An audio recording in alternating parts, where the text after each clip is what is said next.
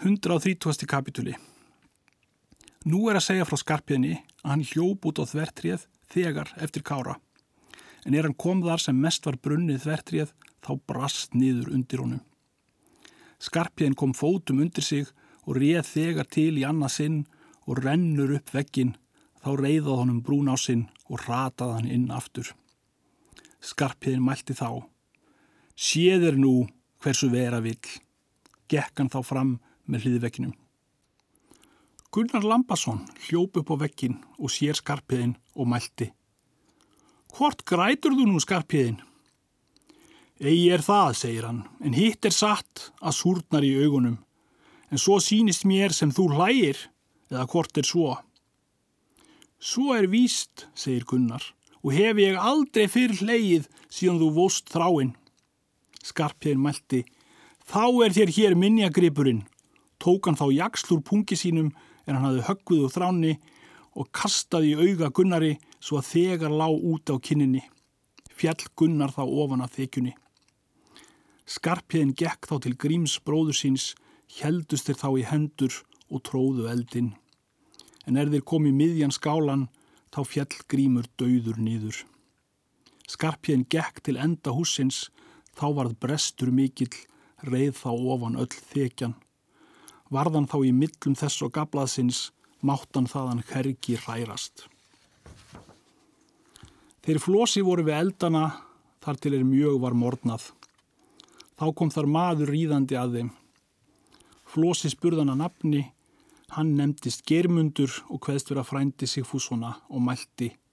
Þér hafið mikið stórvirki unnið. Flosi svarar, bæði munum en þetta kalla stórvirki og ílvirki og þó má nú ekki aðhafa. Germundur mælti.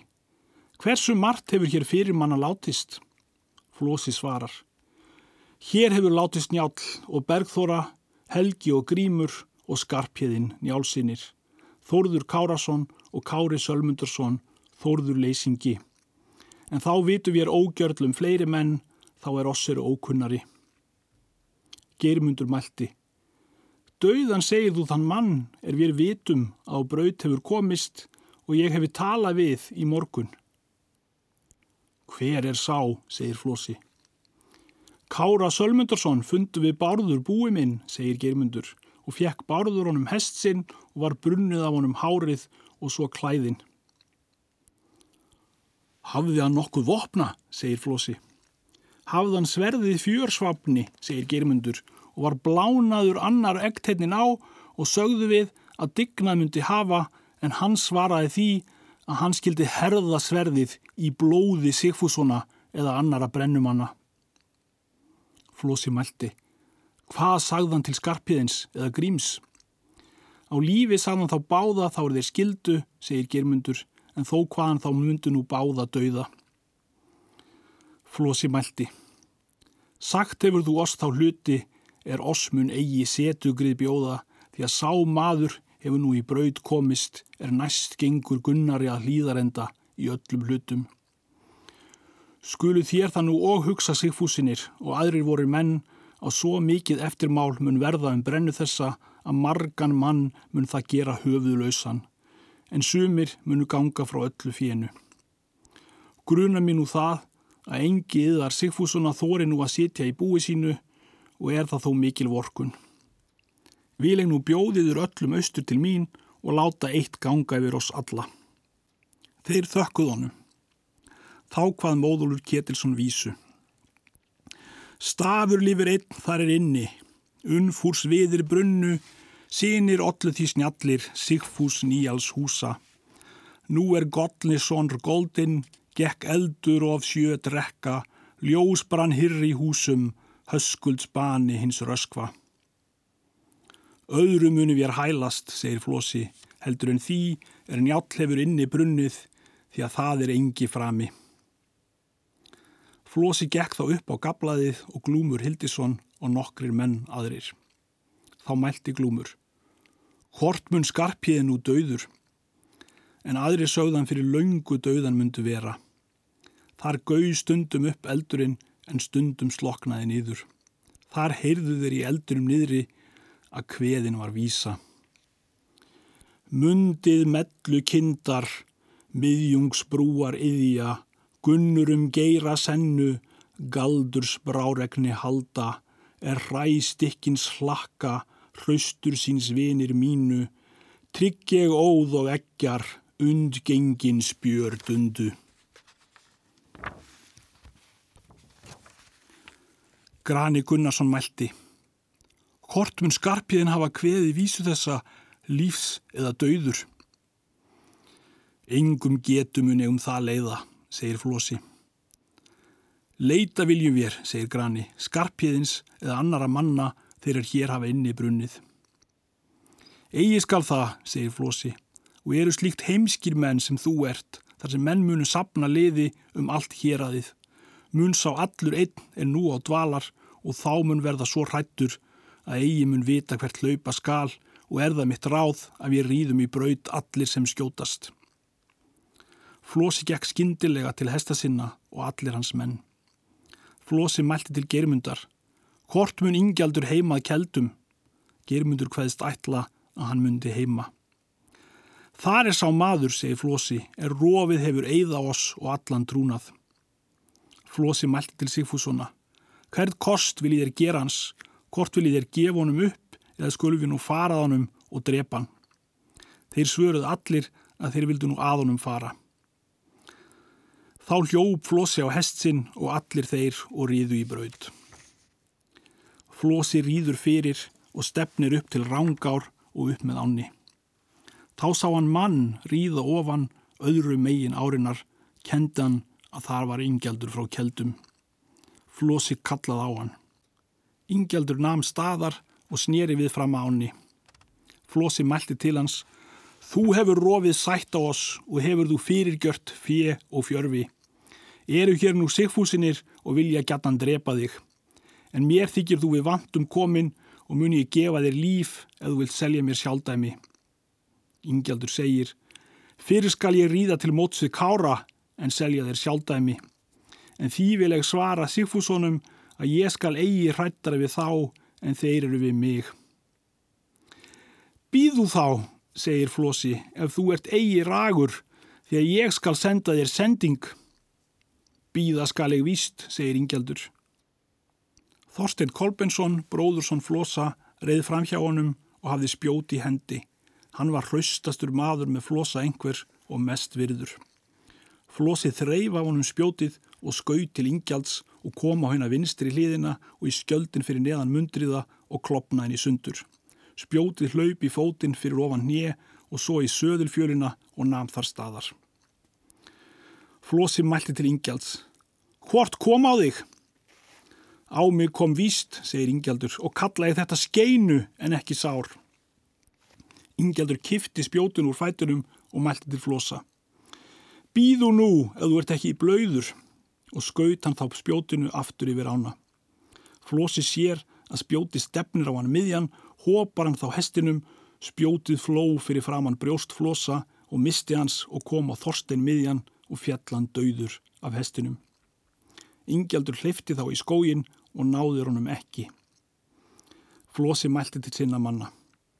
Nú höfum við fengið mikinn mannskaða, megu við nú óvita er þetta yfir aðborið hvert heillaleysi við höfum. Er það nú mitt ráð að við rýðum á þrýhetningshálsa, megu við þaðan sjá, mannareiðir í héræðið því að nú munum þeir hafa sem mestan liðsafnað og munum þeir ætla að við höfum riðið austur til fljótslíðar af þrýhetningshálsum og munum þeir ætla að við riðum norður á fjall og svo austur til hér aða. Mun þangað eftir ríða mestur hluti liðsins en sumur munur ríða þið fremra austur til seljanlandsmúla og munum þykja þangað þó vor minni von. En nú mun ég gera ráð fyrir oss að við ríðum upp í fjallið þrýhetning og býðum þar til þessirinn þriðja sól er af himni. Þeir gera nú svo. 131. kapituli Nú er það til máls að taka að Kári er. Hann fór úr grófinni þar til er hann mætti bárði og fóru svo orð með þeim sem Geirmundur hafði sagt. Reið Kári þaðan til Marðar Valgarssonar og sagði honum tíðindin en hann umkaði mjög. Kári hvað annað karlmannlegra en grátaði á dauða og bað hann sapna liði og koma öllu til Holtzvaðs. Síðan rýður hann í Þjórsardal til Hjalta Skeggjasonar og þá er hann kom upp með Þjórsá, þá sér hann mann rýða eftir kallega og býður kári mannsins, hann kennir að þar var ingjaldur frá keldum og var blóðugur um lærið. Hann spurði Ingjald hver hann hefði særðan en hann sagði Hvar fundust þið, segir Kári. Við rángá, segir Ingjaldur og skautan yfir ána til mín. Gerðið þú ekki móti, segir Kári.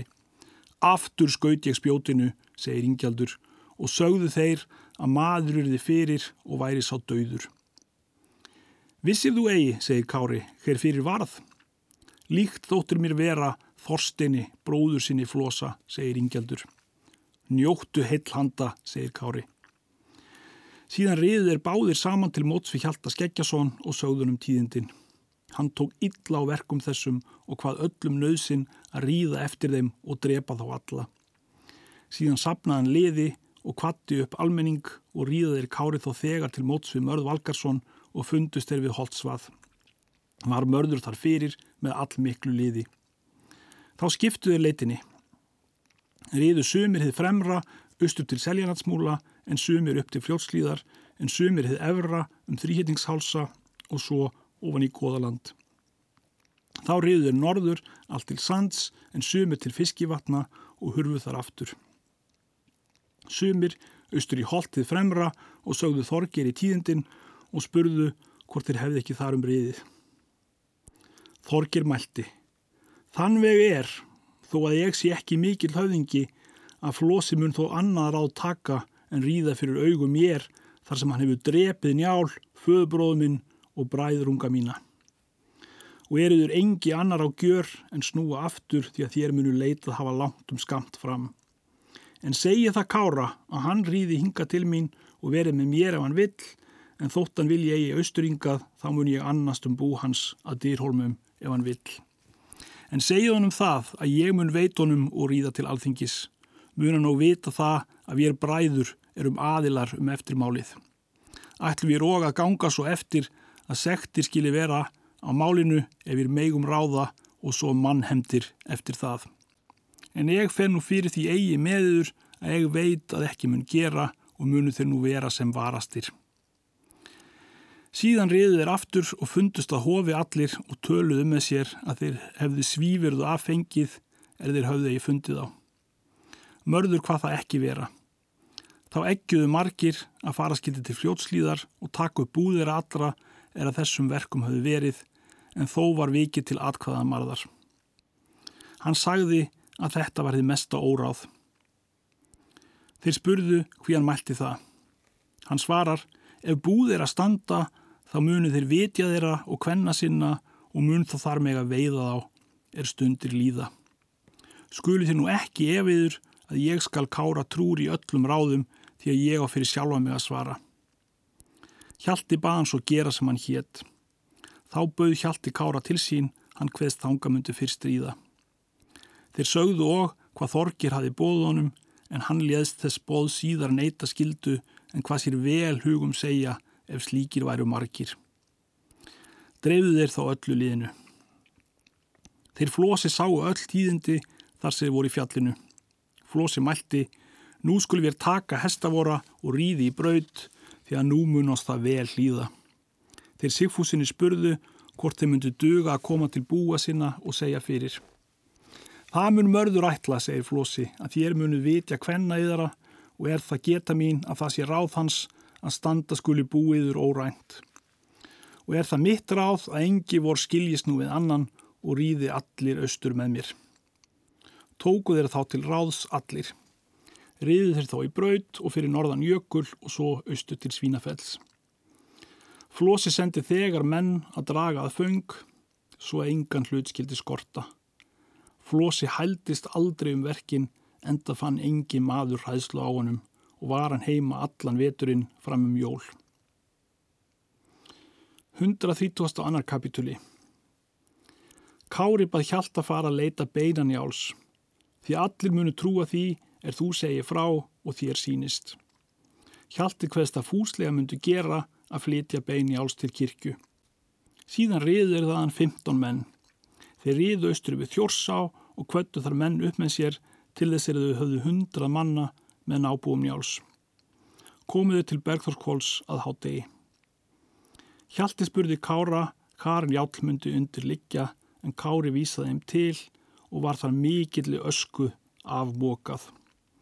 Þar fundu þeir undir húðina og var sem hún væri skorpnuð við eld. Þeir tók hana upp og voru þau bæði óbrunnin undir. Allir lofuðu Guð fyrir það og þótti stór hjartekn í vera. Síðan var tekinn sveitnin, er leið hafði í meðal þeirra og var af honum brunnin, fingurinn, er hann aðeins rétt upp undan húðinni. Njátt var útborin og svo bergþóra. Síðan gengu til allir menn að sjá líkama þeirra. Hjalti mælti. Hversu sínast yður líka mér þessir? Þeir svöruðu, þinna atkvaða viljum við að býða. Hjalti mælti. Ekki mun mér verða einarð fátt um þetta. Líka mig bergþóru þykir mér að líkindum og þó vel, en njáls ásjónu og líka mig sínist mér svo bjartur að ég hefi engan döðsmanns líkama séð jafn bjartan. Allir sögðu að svo væri. Þá leituðu skarpjöðins. Þar vísuðu heimamenn til sem þeir flosi höfðu vísuna heyrt hveðna og var þar þekjan fallin að gablaðinu og þar mælti hjalti að tilskildi grafa. Síðan gerðu þeir svo og fundu þar líka maður skarpjöðins og hafðan staðið upp við gablaðið og voru brunnir fætur af honum mjög svo neðan til njá en allt annað óbrunnið á honum. Hann hafi bitið á kampi sínum. Augu hans voru opinn og óþrútinn. Hann hafi rekið öksina í gablaði svo fast að gengið hafi allt upp á miðjan fetan og var ekki dignuð. Síðan var hann útborinn og öksin. Hjalti tók upp öksina og mælti. Þetta er fágætt vopn og munu fáir bera meiga. Kári mælti. Sé ég mann til hver bera skal öksina. Hver er sá, segir Hjalti. Þorgir skorar geir, segir Kári, er að ega ætla nú mestan mann vera í þeirri ætt. Þá var skarpiðin færður af klæðum því að þau voru ekki brunnin. Hann hafi lagt hendur sínar í kross og á ofan hinn að hægri en tvo díla funduðir á hannum, annan meðal herðana en annan á brjóstinu og var hvort vekki brendur í kross og ætluðu menn að hann myndi sig sjálfur brent hafa. Allir menn mæltu það að betra þætti hjá skarpiðinu döðum en ætluðu því að engi maður hrættist hann. Þeir leituðu gríms og fundu beinans í miðjum skálanum, þeir fundu og þórðu leysingja gengtonum undir hliðvekkin en í vefjarstofunni fundu þeir sæjunu kettlingu og þrjá menn aðra. Alls fundu þeir þar bein af ellefu mönnum. Síðan fluttu þeir lík þau til kirkju. Tárið hjalti heim og kári með honum. Blástur kom í fótin ingjaldi, fór hann þá til hjalta og grættan ingjald og var hann þó jafnan haldur síðan. Kári reyði tungu til áskrims. Þá var Þórhalla heimkomin og hafði hún sagt áður þessi tíðindi. Áskrimur tók við Kára báðum höndum og sagði að hann skildir þar vera öll þau misseri. Kári hvað svo vera skildu. Áskrimur bauð því öllu liði til sín er að Bergþórskóli hafi verið. Kári segir að það væri velbóðið og skal þetta þykja fyrir þeirra hönd. Var þá fluttangað allt liðið. Þórhalli áskrimsinni brá svo við er húnum var sagt að njálf fóstri hans var dauður og hann hafi inni brunnið að hann þrútnaði allur og blóðbói stóð úr korritekju hlustinni og varð eigi stöðvað og fjallan í óvitt og þá stöðvaðist. Eftir það stóð hann upp og hvað sér lítil mannlega verða og það myndi ég vilja að ég hemdi þess á þeim er hann brendu inni er nú hefur mig hend. Þeir sögðu að engi myndi virðanum þetta til skammar en hann hvað ekki meg að taka fyrir það hvað menn mælti. Áskrimur spurði Kára hvert tröst hann myndi eiga af þeim fyrir austan ár. Kári segir að Mörður Valgarsson og Hjalti Skeggjason myndi veita þeim slíkan styrk sem þeir mætti og Þorgir Skorargeir og þeir allir bræður. Áskrimur hvað það mikinn abla. Hvert styrk skulu vera þér hafa, segir Kári. Allan þann er ég má veita, segir Áskrimur, og skal ég lífið áleggja. Gerðu svo, segir Kári. Ég hefi og, segir Áskrimur, komið gissur í hvita í málið og spurði ég hann hversu meðskildi fara. Það er vel, segir Kári, eða hvað lagðan til? Áskrimur svarar, það lagðan til að við skildum öllu kyrru fyrir halda til vors en ríða þá austur og búa til málið á hendur flossa um víg helga og hveðja búa heimann og lýsa á þingi brennumálum og hveðja þar hérna sömu búa í dóm. Ég spurði og gissur hver sækja skildum víksmálið en hann sagði að mörður skildi sækja þóttunum þætti ílt. Skalan því þungast af hafa að honum hafa öll málin verst farið. Káriska log sí reyður ávalt er hann finnur hann og mun hann slíkt allt til draga og forsjá mín í annan stað, saði Gissur. Kári mælti þá. Þínum ráðum munum við framfara meðan við eigum þess kost og þú vilt fyrir vera. Svo er að segja frá Kára, hann mátt ekki sofa um nætur. Áskrimur vaknaði nótt eina og heyrði að Kári vakti. Áskrimur mælti. Hvort verður ekki svepsamt um næturnar? Kári hvað þá vísu. Kemur að ullur um alla, álm síma mér grímu, beð hlýðar maneg beigði, bauga svefn á augu, síðan brandviðir brendu, böð var nöst svo husti, egam að mínu meinu, minnur nýjal inni. Engra manna gatt Kári jafn oft sem njáls og skarpiðins, aldrei ámælt hann ofinum sínum og aldrei heitaðist hann við þá.